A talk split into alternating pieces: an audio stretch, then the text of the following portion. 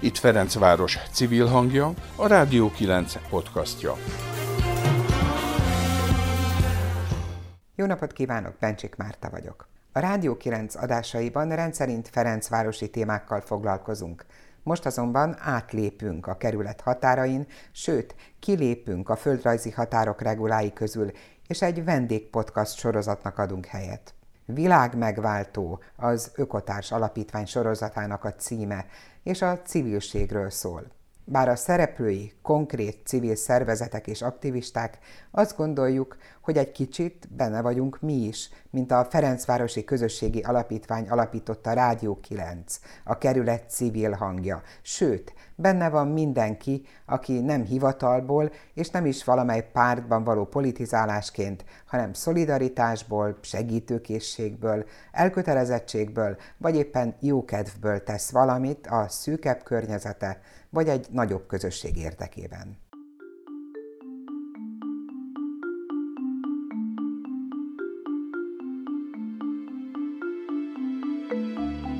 Világmegváltó, kihozzuk belőled.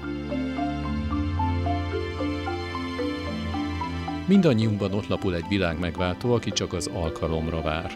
Beszélgetések civilekkel, hogy te is kedvet kapj.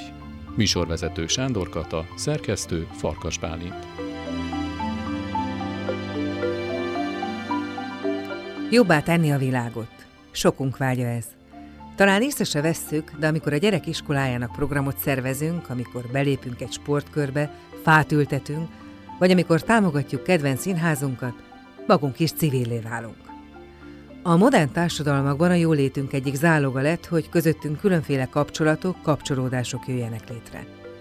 Az önkéntességen alapuló társulások a múlt század 70-es, 80-as éveiben kezdtek sokasodni, és ezek az alulról szerveződő közösségek, mint sokszor hallani fogjuk, lélektani összetartozást is jelentenek.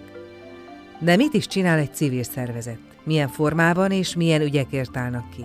Hogyan válhatunk jó segítővé? Összeérnek-e a helyi ügyek és a globális problémák? És egyáltalán milyen kihívásokkal kell szembenézniük a cselekedni akaró polgároknak? Ezekről a témákról fogunk beszélgetni öt részben. Mai vendégeink maguk is évtizedek óta aktív civilek, ugye, akik az évtizedes munkájuk során szembesültek már annak minden szépségével és kihívásával. Péterfi Ferenc, a Közösségfejlesztők Egyesületének egyik alapítója és a Civil Rádiózásért Alapítvány alapítóelnöke, és Horváth Zsolt, a levegő munkacsoport aktivistája. Sziasztok! Kezdjük mindjárt a fogalom tisztázásával. Számotokra mit jelent az a szó, hogy civil és hogyan definiálnátok? És kit tekintetek civilnek egyáltalán egy teljes társadalmi spektrumban? Ferenc? Minden olyat, ami nem hivatalosan történik, nem katona, de nem csak ettől, ehhez képest civil, hanem ami nem egy hivatalos intézményi keretekben történik, ami valamilyen belső vagy közösségi aktivitásból keletkezik, ami az embereknek a hozzájárulása a saját életüknek az alakításához. Hát most így hirtelen néhány pont az ezekről jutottak eszembe. Zsolt? Mindjárt civilek vagyunk, minden magánember civil, és mindenki tud civilként gondolkozni, élni, és hát vannak más szerepek is, amiben időnként belekerülünk. Én azt gondolom, hogy alapvetően mindenkibe benne van a civil életérzés, az, hogy milyen módon viszonyulunk a külvilág dolgaihoz, az, ami minket érint, hiszen sokszor, ha csak elmegy egy autó az út előtt, vagy a szomszéd felgyújtja a saját kis tüzét a kertben, és akkor rögtön felháborodunk, már is civillé válunk, de máskor meg, amikor beülünk az autónkba, és mi pufogunk esetleg egy másik ember orra alá, akkor ezre nem gondolunk. Tehát az élet minden területén jelen van. Tehát csak elő kell hozni, ugye? Elő kell csak hozni. Nagyon érdekes, hogy évekkel ezelőtt, egy olyan jó tíz évvel ezelőtt a Gallup Intézet készített egy nemzetközi felmérést a polgári attitűdről, tehát az önkéntességről, és az az érdekes dolog jött ki a vizsgálatból, hogy a magyarok miközben azért úgy szívesen belenyúlnak a zsebükbe, tehát ha arról van szó, hogy másokat megsegítsenek, akkor mondjuk pénzt adnak, de az idejüket azt nagyon sajnálják. Ebben, mintha lenne némi változás, nem tudom, hogy ti hogy látjátok, hogy van ebben változás, és ha igen, akkor ezt minek tudhatjuk be?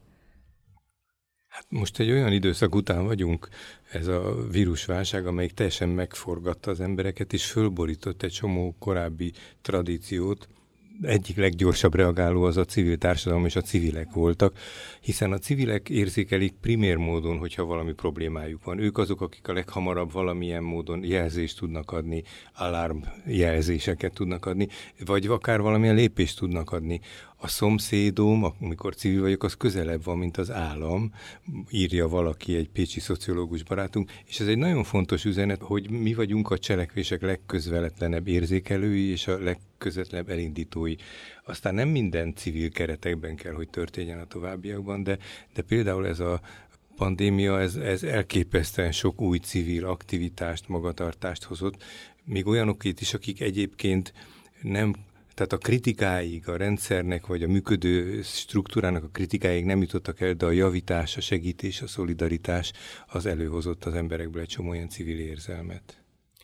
Nálunk sose volt fontos, hogy pénzt adjanak, mindig az idő, kapcsolatrendszer, a segítség, az, hogy valamit olcsóbban, általuk segítségükkel, olcsóbban, hatékonyabban tudunk megoldani. Mindig ez volt a mozgatórugó, és nem csak a pandémia, de már az utóbbi négy-öt évben az a jellemző, hogy egyre nagyobb számban jönnek és hajlandóak idejüket, energiájukat, akár saját forrásaikat is ráfordítani. Az, hogy tagdíjat fizetnek, hogy az egy százalékukból adományoznak, hogy egy-egy szolgáltatásunkat igénybe veszik, az mind-mind nagyon jó, de mindig úgy állunk hozzá, hogy ezt vissza kell adni az embereknek. Tehát mi nem tudunk abból élni, amit a magánszemélyek támogatásként juttatnak, mert ezt vissza kell juttatnunk számukra, hogy még többet tudjanak adni az idejükből és az energiájukból, és hogy még többen megismerjék azt a munkát, amit végzünk. Tehát mi így próbálunk hozzáállni, és úgy néz ki, hogy ez működik. És az kiderült számotokra, hogy most az utóbbi négy-öt évben mi történt? Tehát, hogy milyen változás történt az emberek fejében, hogy azt gondolták, hogy akkor önkénteskedünk, vagy adunk az időkből másokra, vagy, az, vagy egy ügynek? Nálunk az volt, hogy egyetemeken, főiskolákon kezdtük hirdetni a programjainkat, illetve kerestünk gyakornokokat. Tehát jó volt a reklám? Azt is mondhatjuk, vagy inkább a kapcsolatrendszer. Ugye az a több százfős szakértői testület, és az a 33 év, ami nem múlt el nyomtalanul.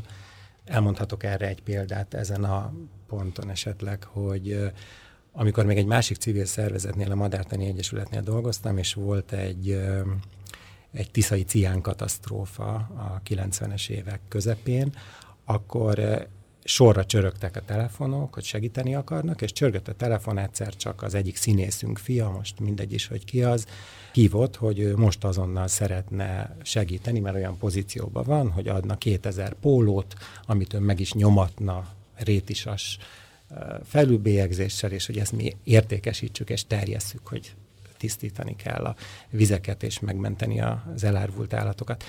És ő azt mondta, amikor személyesen beszéltünk, hogy gyerekkorában a szülei mindig elvitték a táborainkba. És ő nagyon utálta azokat a táborokat, de amikor felnőtt lett, akkor rájött, hogy az egyik legjobb dolog volt az életébe, amit kaphatott. Nagyon szívesen gondolt vissza rá, és bár eltávolodott, tag sem volt több mint 15 évig, de amikor jött a probléma, nem volt kétséges számára, hogy felveszi a telefont. Ez az a társadalmi támogatás, amit hogyha következetesen dolgozunk, akkor nem probléma, ha egyszerre csak két-három embert érünk el. Nem baj, hogyha egy hónap alatt csak tíz emberrel van mély, értelmes beszélgetésünk, mert 30 év alatt azokból a tíz emberekből akár társadalmi szintű változást érhetünk el, és a társadalom minden rétegét képviselni fogják.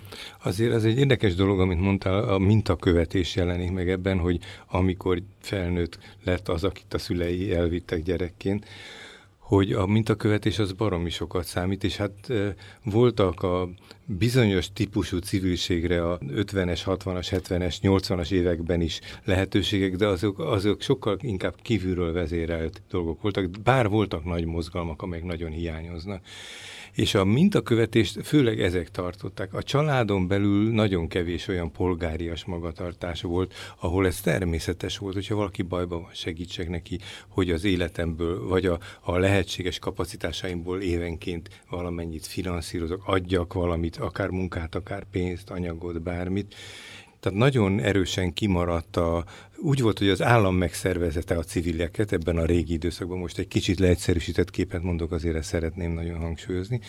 És most, amikor rendszerváltás volt, akkor hirtelen kialakult, hogy most már akarhatunk akarni, de vajon tudunk-e mi magunk akarni, és hogy, hogy ezek az öntevékeny, saját magunkból elinduló törekvések voltak, ahol evidensen megjelentek, és néhány területen, mint a madarász, madarászat, a környezetvédelem általában, ez nagyon fontos, és nagyon jó, hogy ez sokkal dinamikusabb volt, de van, ahol ez nagyon lassan megy, és egy példával hadd zárjam ezt a fordulót, hogy, hogy én tanítok egyetemistákat, és gyakran szoktam kérdezni, hogy milyen civil kapcsolataik, viszonyaik vannak, és hát baromi nagy csönd tud lenni egy ilyen kérdés után, és valójában egy darabig kapargatni kell, pisztatgatni kell, míg rájönnek, hogy az, hogy ő egy kórusba jár, az, hogy ő egy felekezeti csoporthoz tartozik, az, hogy ő, ő valahol a, a WWF-nek, vagy egy pataknak a megvédésébe közreműködött, vagy, vagy tánccsoportba, vagy szóval nagyon különböző és nagyon sokágú ez, de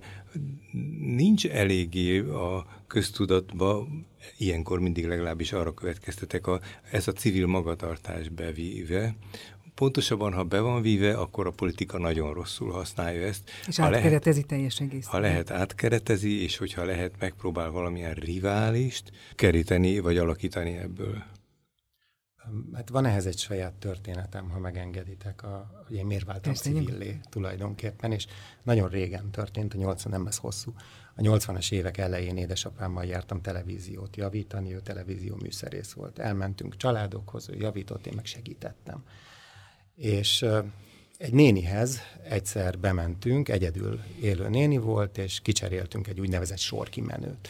Tudtam, hogy ennek 105 forint az ára, mert már felkészült voltam, és amikor kicseréltük, akkor apukámtól kérdezi a néni, hogy mennyi lesz Andris bácsi. És mondja apukám neki, hogy 25 forint lesz. Nézek kerek szemekkel, de nem mertem szólni semmit. Elmentünk, kijöttünk, beszálltunk az autóba, addig csendben voltam, és megkérdeztem, hogy apu, tehát 105 forint volt az ára ennek, és még cseréltél biztosítékot is, meg forrasztottál, meg itt voltunk egy csomót. Miért? Azt mondta, hogy ez a néni nem tudja kifizetni, mi belőlük élünk, és megtehetjük, hogy ő neki most kevesebbért is eljárjuk. Egyébként a néni egy 50 forintos dugott a zsebébe, hogy tessék Andris bácsi eltenni, azt is vissza akart adni, de nem engedte, és ugye nem szabadott. Megsérteni se akarta. Én tíz éves lehettem körülbelül, mondjuk 83-ban, 82-ben, amikor ez történt, és nagyon megjegyeztem ezt hm. a, ezt a pillanatot, és mindig visszatért a későbbiek során. Tehát, hogyha megtehetem, akkor segítsek. Igen, és ez, ez teljesen Vagyok az időmben, arra, amit a Feri mondott, hogy ahol van példa, ahol van mire uh, visszaemlékezni, minta, ott, ott ez könnyebben megy. Ez így van, ö, muszáj nektek elmesélnem a saját történetemet is, már úgy értve a sajátomat, hogy a saját gyerekeim történetét. Én a Heti Betevő Egyesületnek vagyok az egyik alapítója, és amikor kisebbek voltak még a fiaim, mert most már éppen 18 évesek, akkor őket is azért így elvittük az osztásra, hogy lássák. Tehát, hogy ez is fontos része az ember életének, hogy oda megy és segít. Akkor még általános iskolások voltak, alsó tagozatosak a fiúk, és amikor elindultak edzésre, akkor ott volt egy hajléktalan zenész és előtte összeszedték az összes, nagy szerették a hasukat, és összeszedték az összes ennivalót a büfébe.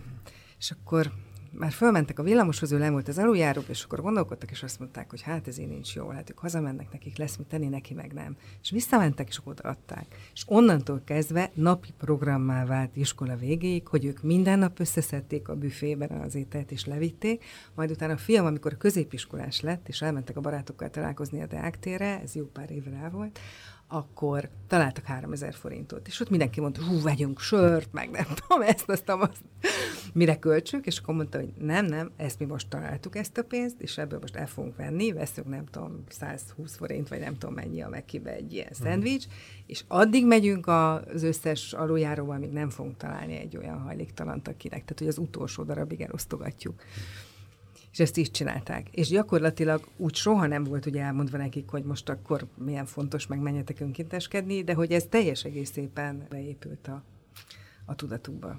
Civilségnek egy másik tipikus helyzete és esete, amikor valamilyen érdeksérelem éri az embert, tehát valami, vagy embereket, az emberek közösségét, tehát valami nincs jól. Amíg egyedül dohog valaki, az is valami, és gyakran eljár, és utána jár, és a saját érdekében, de talán egy kicsit a többieknek is megpróbálja elintézni.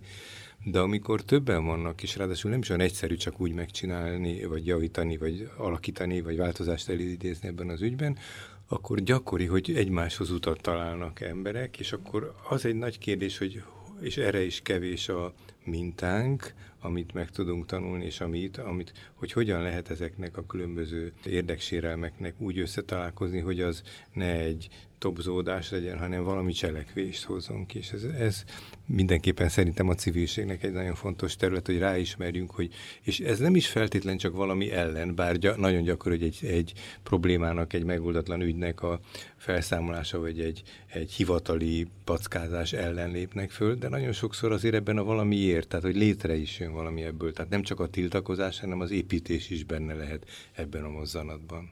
Ez, amit mondasz, ez ugye fölveti azt a technikai kérdést is, hogy hogyan jön létre egy civil szervezet, és hogy egyáltalán szükség van-e mindig arra, hogy létrejöjjön egy civil szervezet, vagy elegendő az, hogy egy társaság, vagy azonosan gondolkodó, vagy együgyért dolgozó emberek így összeállnak, és akkor teszik a dolgokat, hogy az jobb legyen. Tehát, hogy kell-e? Akkor, amikor civil szervezet megalakításáig is eljutnak, akkor már van egy konkrét célkitűzésük, és tudják azt, hogy az önkéntes összejárásuk és az eddigi érdekérvényesítő képességük talán kevés. Éppen azért, amit Ferenc mondott az imént, hogy valamilyen ügy nem működik, valami probléma van, amit meg kell oldani, vagy éppen valami nagyon hiányzik. Én azért hadd mondjak egy kis ódát azokért a civil kezdeményezésekért, amelyek nem feltétlenül fognak formalizálódni. És én ezt egy nagyon fontos dolognak tartom, hogy minden szituációban el kell dönteni, hogy mi az optimális. És ez nem is olyan egyszerű, tehát egy darabig civil tevékenységet kell végezni, és akkor eljöhet annak a kérdése, hogy ez a mi működésünk hatékonyabb-e, jobb-e, biztonságosabb-e, fenntartható, fennmaradó-e, az eredménye a hivatalos szférával jobban bejut-e, hogyha mi formalizálódunk és jogi szervezetté alakulunk, vagy pedig a mi összetartásunk mindenféle ilyen jogi procedúra nélkül is önmagában meg tud maradni. Ennek a, egy nagyon fontos öntudat erősítő része van, és valójában ha, ha ez nagyon erős lenne, akkor majdnem mindegy lenne, hogy egyesületi alakulnak vagy sem, vagy létrehoznak-e alapítványt, mert mi nálunk nem csak pénzügyi tőkét jelent az alapítvány, hanem gyakran ilyen társas cselekvésnek ezt a keretet szokták használni. De ez szerintem egy nagyon fontos kérdés, és itt először el kell gondolkodni a felelősségen is, mert egyik oldalról persze jó, ha gyorsan létrejön egy ilyen szervezet, mert akkor majd az úgy megragadható, bár a hivatalos szerveknek is jobban megragadhatóvá válik, de, de az egy csomó felelősséget jelent, sokszor bürokratikus feltételeknek kell megfelelni, külső dolgoknak, valamilyen külső akarat, vagy valami külső megfelelés is következhet itt, és ez, ez, ez gyengítheti a szervezetet. Ugyanakkor azt is el kell ismerni, hogy a fenntarthatóság, hogy a nagyobb civil akaratnak a biztonságát gyakran, nem mindig, de gyakran valamilyen formalizált keret tudja megadni, de ez egy hosszan mérlegelendő és sokszor végigbeszélendő kérdés. Nem a cselekvés helyett kell nagyon hosszan tökörészni ezen és, és mérlegelni, hanem egyszerűen azért, hogy, hogy minden opciót végigfutassunk magunkban. Egyébként ez egy természetes fejlődési folyamat. Én úgy gondolom, hogy a legkevesebben úgy alakulnak, hogy ma kitaláljuk, hogy holnap csinálunk egy egyesületet, gyorsan írunk egy alapszabályt, vagy egy alapítványt és egy alapítókiratot, beadjuk a bíróságra, azt kezdjük. Először az ember akár évekig próbál megoldani egy ügyet. Tehát nem könnyű a civilek élete, ez így van, de most akkor álljunk meg egy pillanatra, és nézzük meg, hogy milyen is egy civil aktivista mindennapja illetve azt is, hogy hogyan alakítja át az elköteleződés teljesen, mondjuk az egykori önkéntes életét. Homoki Andrea közösségszervezőt látogattam meg, Andrea az Eleven Gyár és az Eleven Vecsés helyi informális csoportok kezdeményezője, tanácsadója, és jelenleg a Civil Kollégiumi Alapítvány által létrehívott rendszer szint országos közösségszervező műhely tagja. Az ő életébe pillantunk most be. Andrea, van ezzel feladat, de azon a szinten van feladat, hogy, hogy egyeztetni kell ezekkel a szervezetekkel, egy ilyen pozitív kicsengésre lehet. Tehát akkor köszi a mai meetinget, és mindenki tudja a dolgát. Jól van, sziasztok! Okay, hello! Sziasztok! Köszi, sziasztok! Na. Délután 5 óra van. Hány meetinged volt ma? Csak egy. És általában hány van egy nap? Hány megbeszélés, szervezés, találkozó? Hát az nagyon változó. Van úgy, hogy egy nap több is van, tehát három is, vagy négy. Ha valami történik az adott ügyeinkben, amin éppen dolgozunk, akkor van úgy, hogy nem tudom elvégezni, például ma délelőtt takarítani szerettem volna, de ez nem jött össze. Tehát soha nem tudod, hogy mire ébredsz aznap? Hát igen. Én szoktam mondani, hogy ez egy hullámvasút, ez a munka. Igen? Igen. Érzelmileg is nagyon nehezen tud az ember tervezni. És vele. mikor ér véget? Tehát azt lehet mondani? Tehát van annak olyan része, és amikor azt mondod, hogy jó, akkor most vége. Vagy egyszerűen annyira benne vagy már érzelmileg, hogy nincs, hát, hogy eléggé, vége? Eléggé benne, igen. Éjfélkor, hogy tudjak aludni, akkor repülőre állítom a telefont, hogy akkor már ne jöjjön semmi, de szinte ilyen napi 24 órában szoktam. De most már te ugye professzionális közösségszervező vagy, ami uh-huh. azt jelenti, hogy neked igazából ez a munkád reggeltől, ezek szerint akkor estig. Igen. De volt ugye egy olyan pillanat az életedben nyilván, amikor egészen mással foglalkoztál, nem tudom, azt elárulod de hogy mi? Könyvelőként dolgoztam egy nagyobb könyvelőirodába. És akkor jött egy pillanat, nem tudom, hogy az így megvan ez a kép, vagy hogy akkor uh-huh. mi történt, uh-huh. amikor ez az egész civil élet és civilség bekerült az életedbe. Az mi volt? Hát a, arra így nagyon emlékszem, hogy az a 2014-es választások voltak. A szélső jobb oldal nagyon előre tört, és akkor azt gondoltam, hogy valamit nekem is tennem. Addig is foglalkoztatott így a közélet, de hogy a akkor... munka a részedről nem volt benne. Nem, tehát hogy én, én nem civilkedtem, nem önkénteskedtem, még szerintem tüntetésre se jártam, és akkor az volt az a pillanat, amikor úgy éreztem, hogy na ki az utcára, és hogy valamit csinálni kell és akkor úgy döntöttem, hogy kimegyek a szabadság térre, és ott körülnézek. Ott ragadtam, és akkor indult el gyakorlatilag az eleven emlékmű is a, a szabadság téren, ugye ilyen körbe rakott székeken, moderált formába beszélgetések, köztéri beszélgetések különböző témákban, nyilván elsősorban az emlékezett politika és a német megszállási emlékmű körüli vitákról szóló, de aztán később persze minden egyéb közéleti téma felkerült, és ez nekem nagyon-nagyon megtetszett, úgy éreztem ott, mikor leültem azokra a székekre, hogy na hazaérkeztem. És aztán én nagyon gyorsan be is vonottam ennek a közösségnek a szervezésébe. Első pillanatban maga a közösség ragadott meg, tehát hogy van egy közösség, ahova tartozom, akikkel együtt gondolkodom, akikkel közösen igen, igen, kifejezzük a véleményünket. Igen. Közösség, arról való beszélgetés, ami engem érdekelt, és maga, maga az emlékezett politika ügye is. Ez a hármas így nagyon egymásra talált. Annyira, hogy egy idő után azt kezdtem el érezni, hogy nem tudok már úgy igazán a korábbi munkámra figyelni, tehát a könyvelésre. Mert hogy az arányok azok megváltoztak az Igen. életedben? Átmentem 8 órából 4 órás munkaviszonyra, de aztán később már ez a 4 óra is teher volt, és valahogy nagyon szerencsésen alakult, mert hogy én meghoztam akkor azt a döntést, hogy én beleugrok a semmibe, de hogy engem ez a civil aktivizmus érdekel. A közben megjelent egy pályázat, ahol négy órás közösségszervezőt kerestek. És akkor arra gondoltam, hogy ahol én lakom, ugye gyál, én őslakos gyáli vagyok, ott meg, megpróbálom, hogy találok-e társakat, kis közösséget, hogy szervezzünk, adott esetben különböző problémákba fellépjünk gyálon. Mert úgy érezted, hogy az a tudás, amit összeszedtél ott kint, abban a közösségben, hogy azt azért így a saját szülőhelyeden is hasznosítani kellene? Igen, azt tudtam, hogy valamit szeretnék csinálni, amihez keresek társakat, és ami egy picit ezt a közéleti pesgést fellendíti, és nem csak bélyeggyűjtők, meg nem tudom én mi legyen, hanem kifejezetten olyanok, akik foglalkoznak a helyi közélettel. Ez volt 2016 nyara, amikor ugye nagyon sok helyi emberrel beszélgettem, és tulajdonképpen ezeknek a kapcsolatépítő beszélgetéseknek az volt a célja, hogy egy ilyen probléma térképet állítsunk fel gyáról. Kialakult, hogy mi az a két ügy, ami a legtöbb embertől kaptunk. Ez akkor ugye a közvilágítás volt, illetve a járda probléma.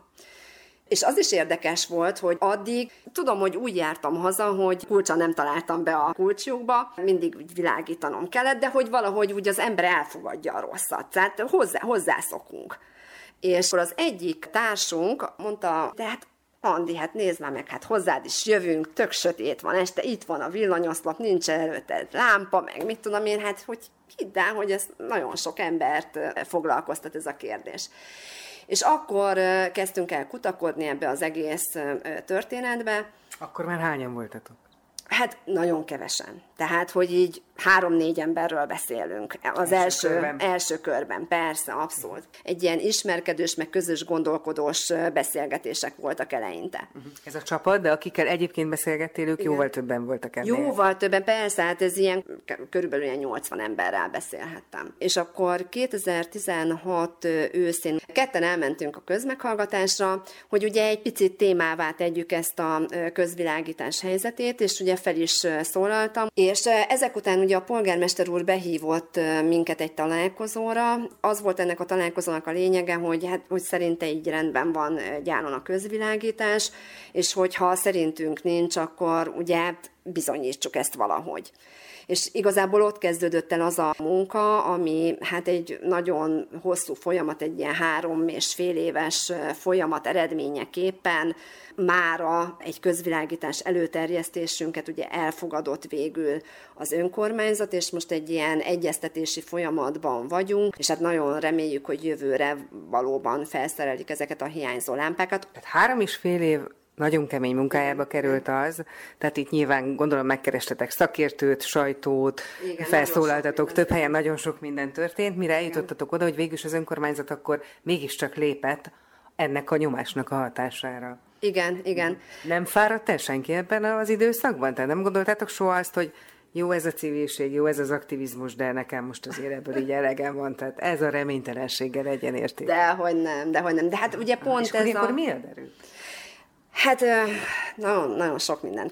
Már az elején felismertük, hogy hát ez egy nehéz ügy lesz, és hogy ez egy hosszú távfutás. És akkor azt gondoltuk, hogy viszont kellenének kisebb megerősítő dolgok, ami, amiben a közösség megérezheti egyrészt az erejét, másrészt a, Kis a pozitív. Igen, igen, igen, igen. Akkor több dologgal is próbálkoztunk ilyen apróságokkal, hogy, hogy észrevettük, hogy valahol szemetes egy utcarész, és akkor ott bejelentettük, hogy kukát helyezzenek ki, és akkor kirakták a kukát, és annak nagyon örültünk. Vagy ami nagyobb dolog volt, hogy egy anyuka fordult hozzánk, hogy van egy súlyosan fogyatékkal élő fia, és hogy szükségük lenne egy speciális ruházatra, ami nagyon drága és hogy 300 ezer forintot össze kéne gyűjtenünk. És elkezdtünk gyűjteni, és nagyon gyorsan, szerintem, hát még talán két hét sem volt, és összegyűlt ez a 300 ezer forint. És ez nagyon, nagyon nagy energiát adott a csoportnak, hogy hú, mi ilyet meg tudunk csinálni, és össze tudjuk gyűjteni ezt És milyen pénzt. kreatív ötlet volt ebben, mert azért ez nyilván nem könnyű ennyi pénzt összegyűjteni. Igazából semmi extra. Tényleg csak a történetet jelenítettük meg, kiraktunk fotókat arról a speciális ruháról, amire ugye gyűjtünk, az érintett családról képet, és elkezdtük Elég volt az Facebook oldal? Elég volt a Facebook oldalon. Úgyhogy ez egy nagyon pozitív élmény volt illetve nem sokra rá az egyik tagunk kitalálta, hogy a gyáli piacon jelenjünk meg, települjünk ki, és beszélgessünk az emberekkel, kérdőívezzünk, gyűjtsünk zöldséget, gyümölcsöt, és a gyáli családpont egyesülettel közösen csináljuk ezt, tehát mi összegyűjtjük a piacon ugye az adományokat, az ilyen friss zöldség, gyümölcsöket, elvisszük a családponthoz, ők szétszortírozzák és kiosztják gyáli rászoruló családoknak. Nyilván nagyon sokféle kisebb és nagyobb siker volt, de hogyha úgy arra gondolsz, hogy mi az, ami úgy nagyon megmelengette a szívedet, akkor az mi volt? Hát ugye van nekünk egy szomszédos kisvárosunk, Vecsés, és 18-ban helyi emberek megkerestek minket azzal, ugye látták az eleven gyár munkáját, hogy valami hasonlót szeretnének ők is csinálni. És akkor így találkoztunk, és hát elindult egy ilyen közös gondolkodás, és segítettünk nekik abban, hogy ők is megtalálják a maguk útját, meg az ügyeiket, és az egyik ilyen ügy a buszügy, amiről majd később fogunk még beszélni. Akkor induljunk el, ugye? Mert meg is Aha, nézzük ezt a igen. buszt pályaudvaron. És mi volt ez a buszos történet? Ugye elkezdtünk kérdőívezni, gyálom megvecsésem, 18-19 tájéken, mert hogy amióta az eszemet tudom, mindig egy probléma volt, hogy a két település itt van egymás közelébe, körülbelül 10 perces átjárásra, de nincs közösségi közlekedési kapcsolat.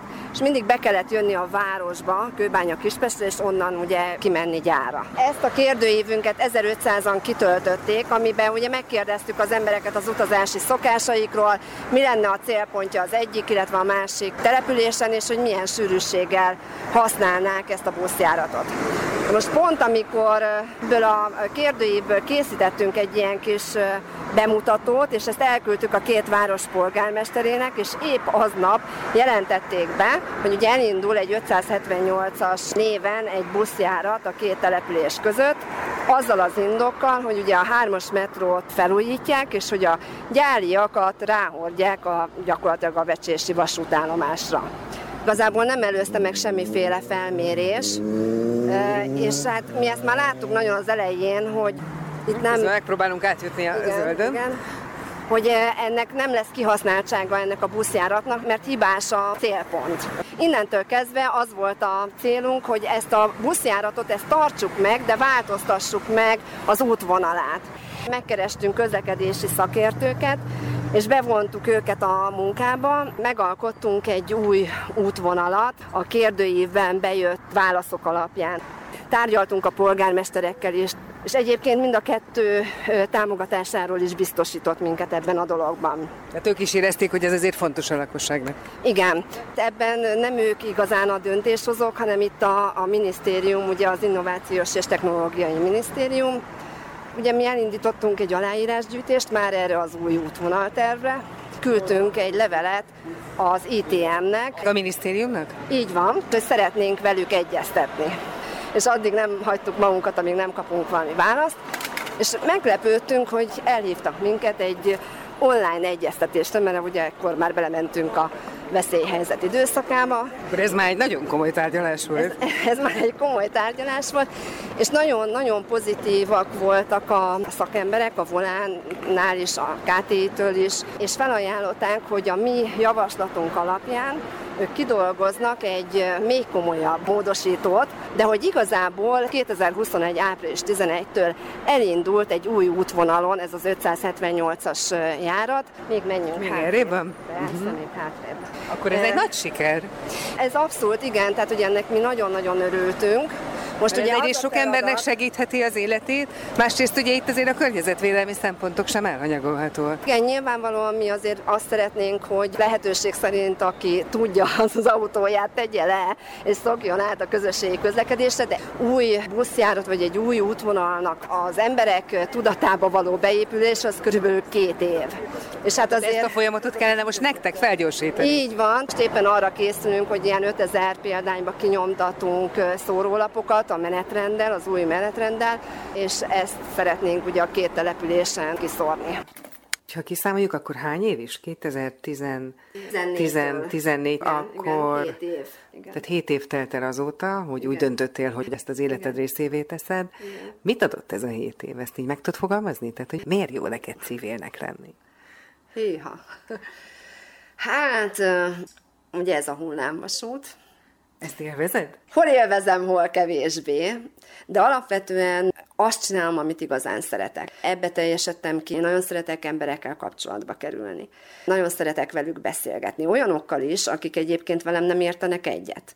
Amiért legjobban szeretem, azok a tagok, akik bejönnek, akik megtanulnak dolgokat, akik aztán maguk kitalálnak dolgokat, amiben én tudom segíteni őket, hogy ezt megvalósítsák. Nem önmagában az eredmény vagy a siker a fontos, hanem az a változás, amit ez előidéz a társadalmi változás is, az emberi változás is benne, hogy valakiknek jobb lett az élete, valaki megtanult ezáltal, nem tudom én, felszólalni egy közmeghallgatáson. Tehát magyarán kiállni saját magáért. Igen, igen, igen, igen. Tehát, hogy, hogy ez a folyamat az, ami engem nagyon-nagyon-nagyon izgat. Egyébként És a... ugyanannyira lelkesít, mint 7 évvel ezelőtt? I- igen. Mai napig minden hónapban egyszer kijárok a gyáli piacra. Tehát, hogy én nagyon szeretek ott a pult mögött állni, és embereket megszólítani. Bevonom tudom, és tudok segíteni abban, hogy ő aktív állampolgárá váljon.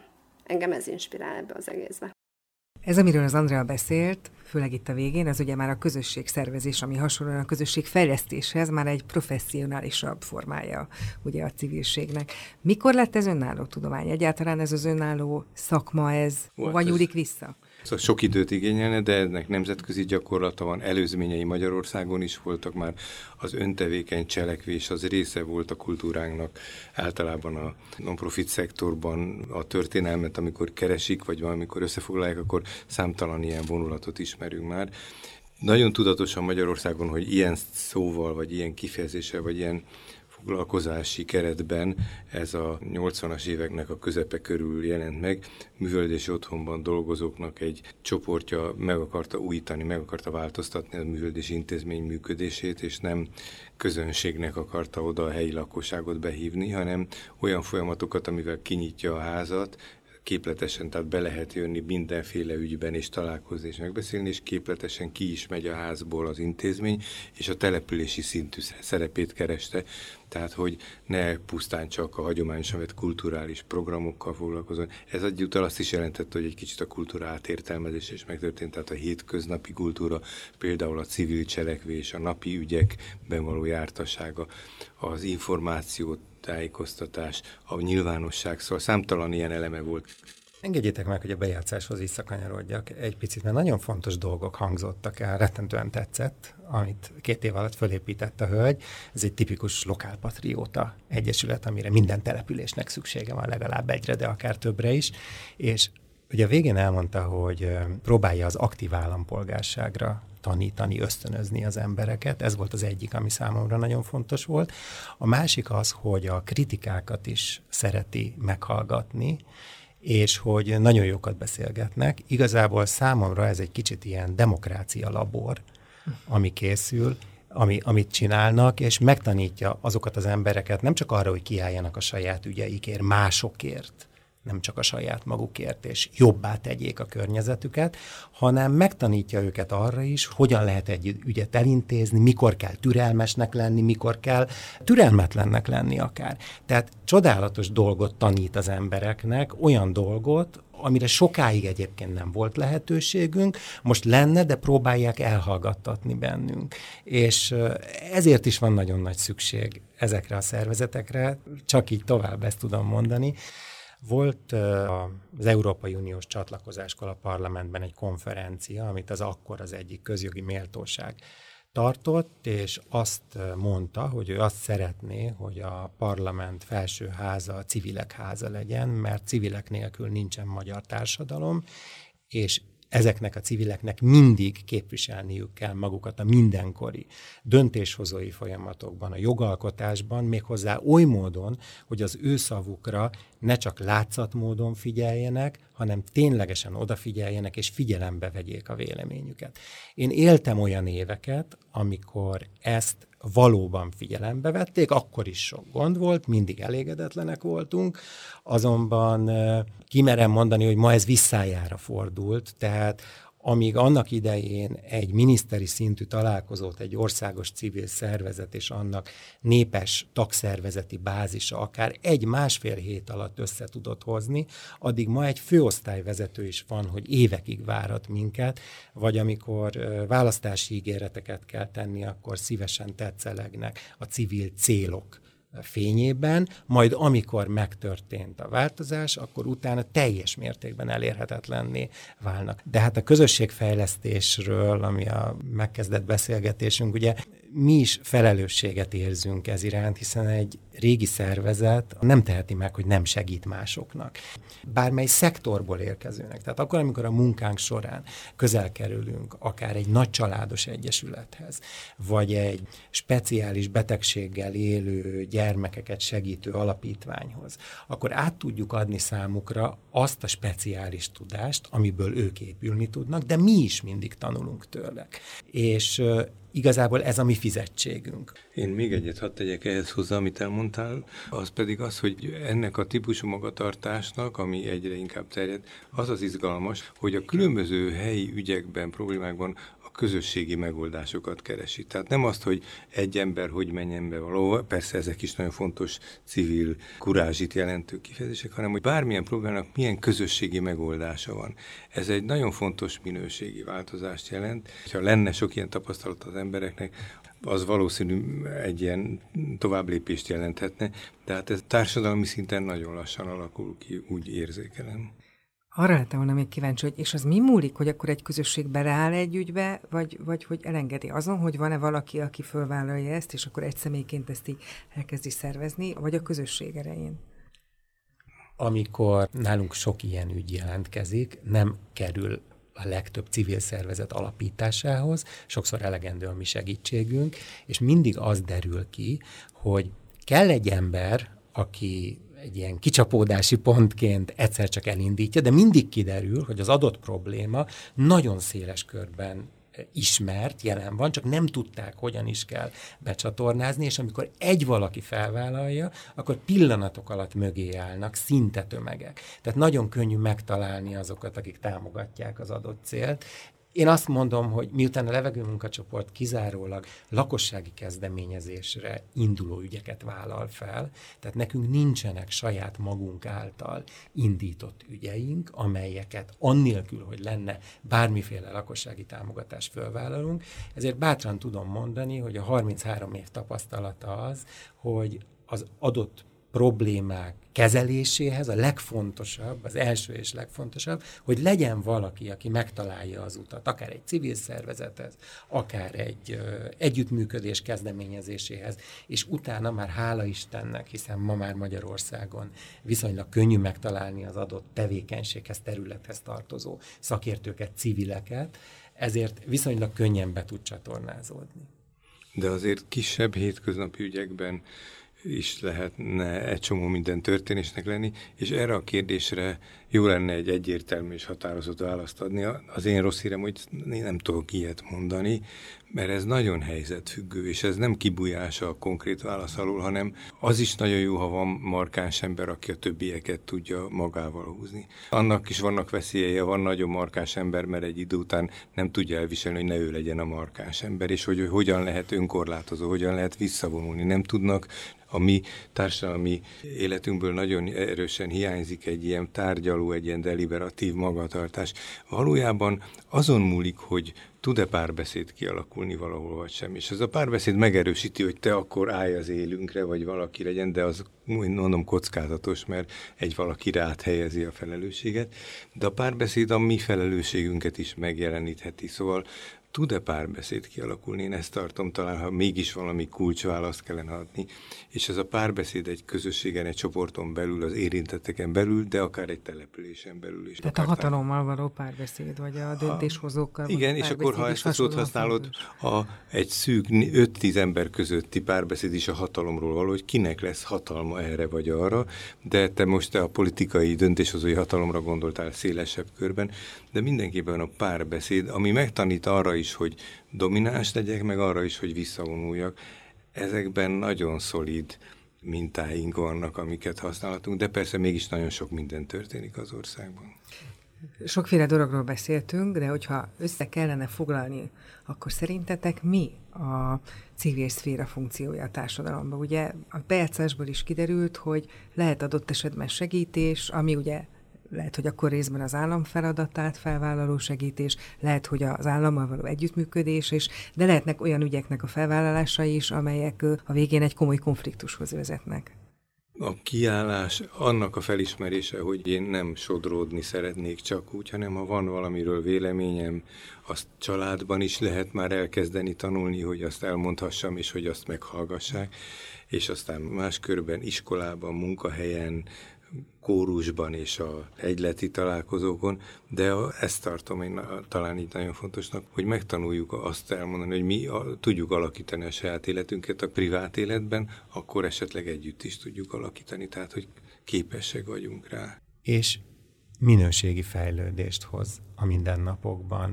Tehát inkább nézzük meg, hogy mi lenne civil szervezetek nélkül. Milyen világunk lenne. Nyilván működne az ország ugyanúgy, azonban sok ügy egyszerűen nem csatornázódna be, hiszen az a szűk döntéshozói kör, vagy intézményi dolgozó, akinek feladata lenne az adott ügy megoldása, legyen az egy kivilágítás, vagy egy sövénysor levágása, vagy a járda hibájának a kiavítása, azok nem lehetnek mindenhol ott.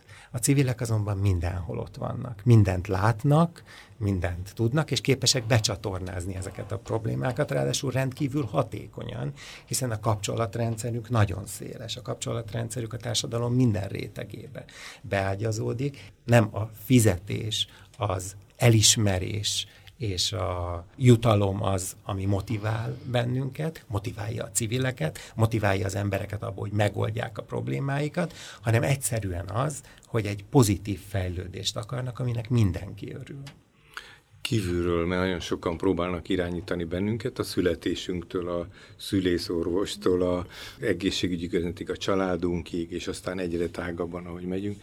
Az a kérdés, hogy ebben a folyamatban van-e olyan hatásunk, és megint csak olyan mintánk, amikor megtanuljuk, hogy nem csak kívülről lehet irányítani a dolgot, hanem magunk belülről is irányíthatjuk ezt a dolgot.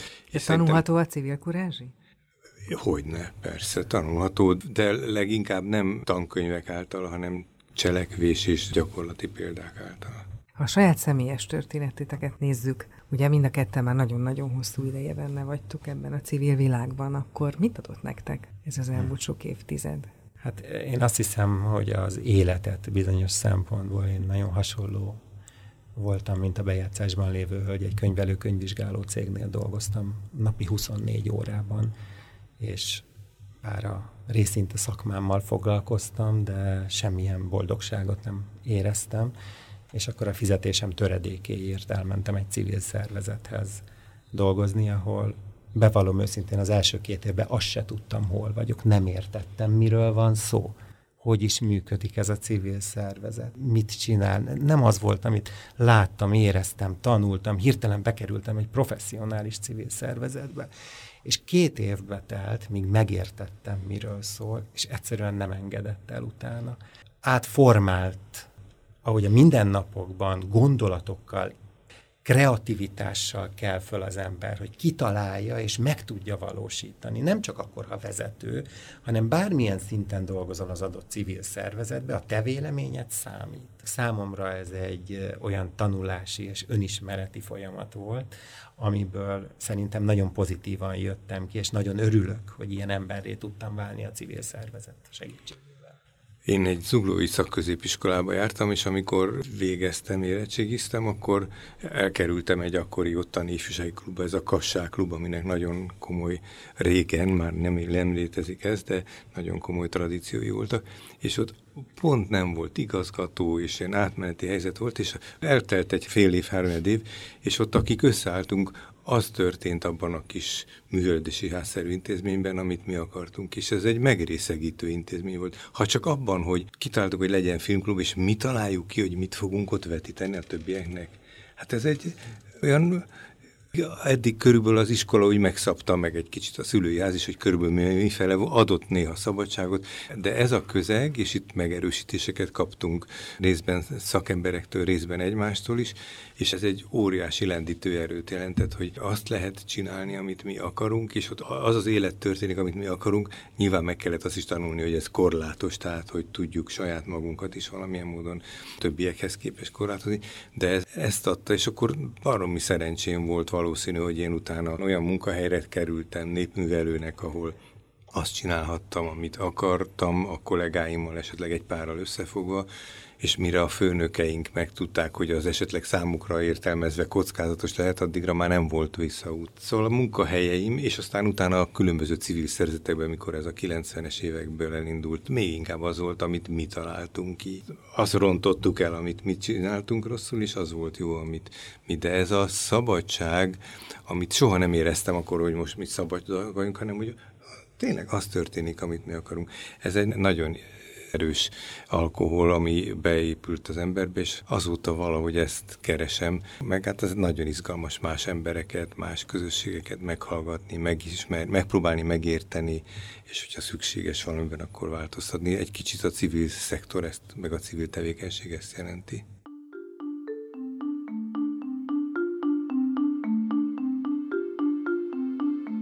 Ennyi volt mai adásunk köszönjük, hogy velünk tartottatok. A következő részben Magyarország legrégebbi civil szervezetei közül mutatunk be hármat.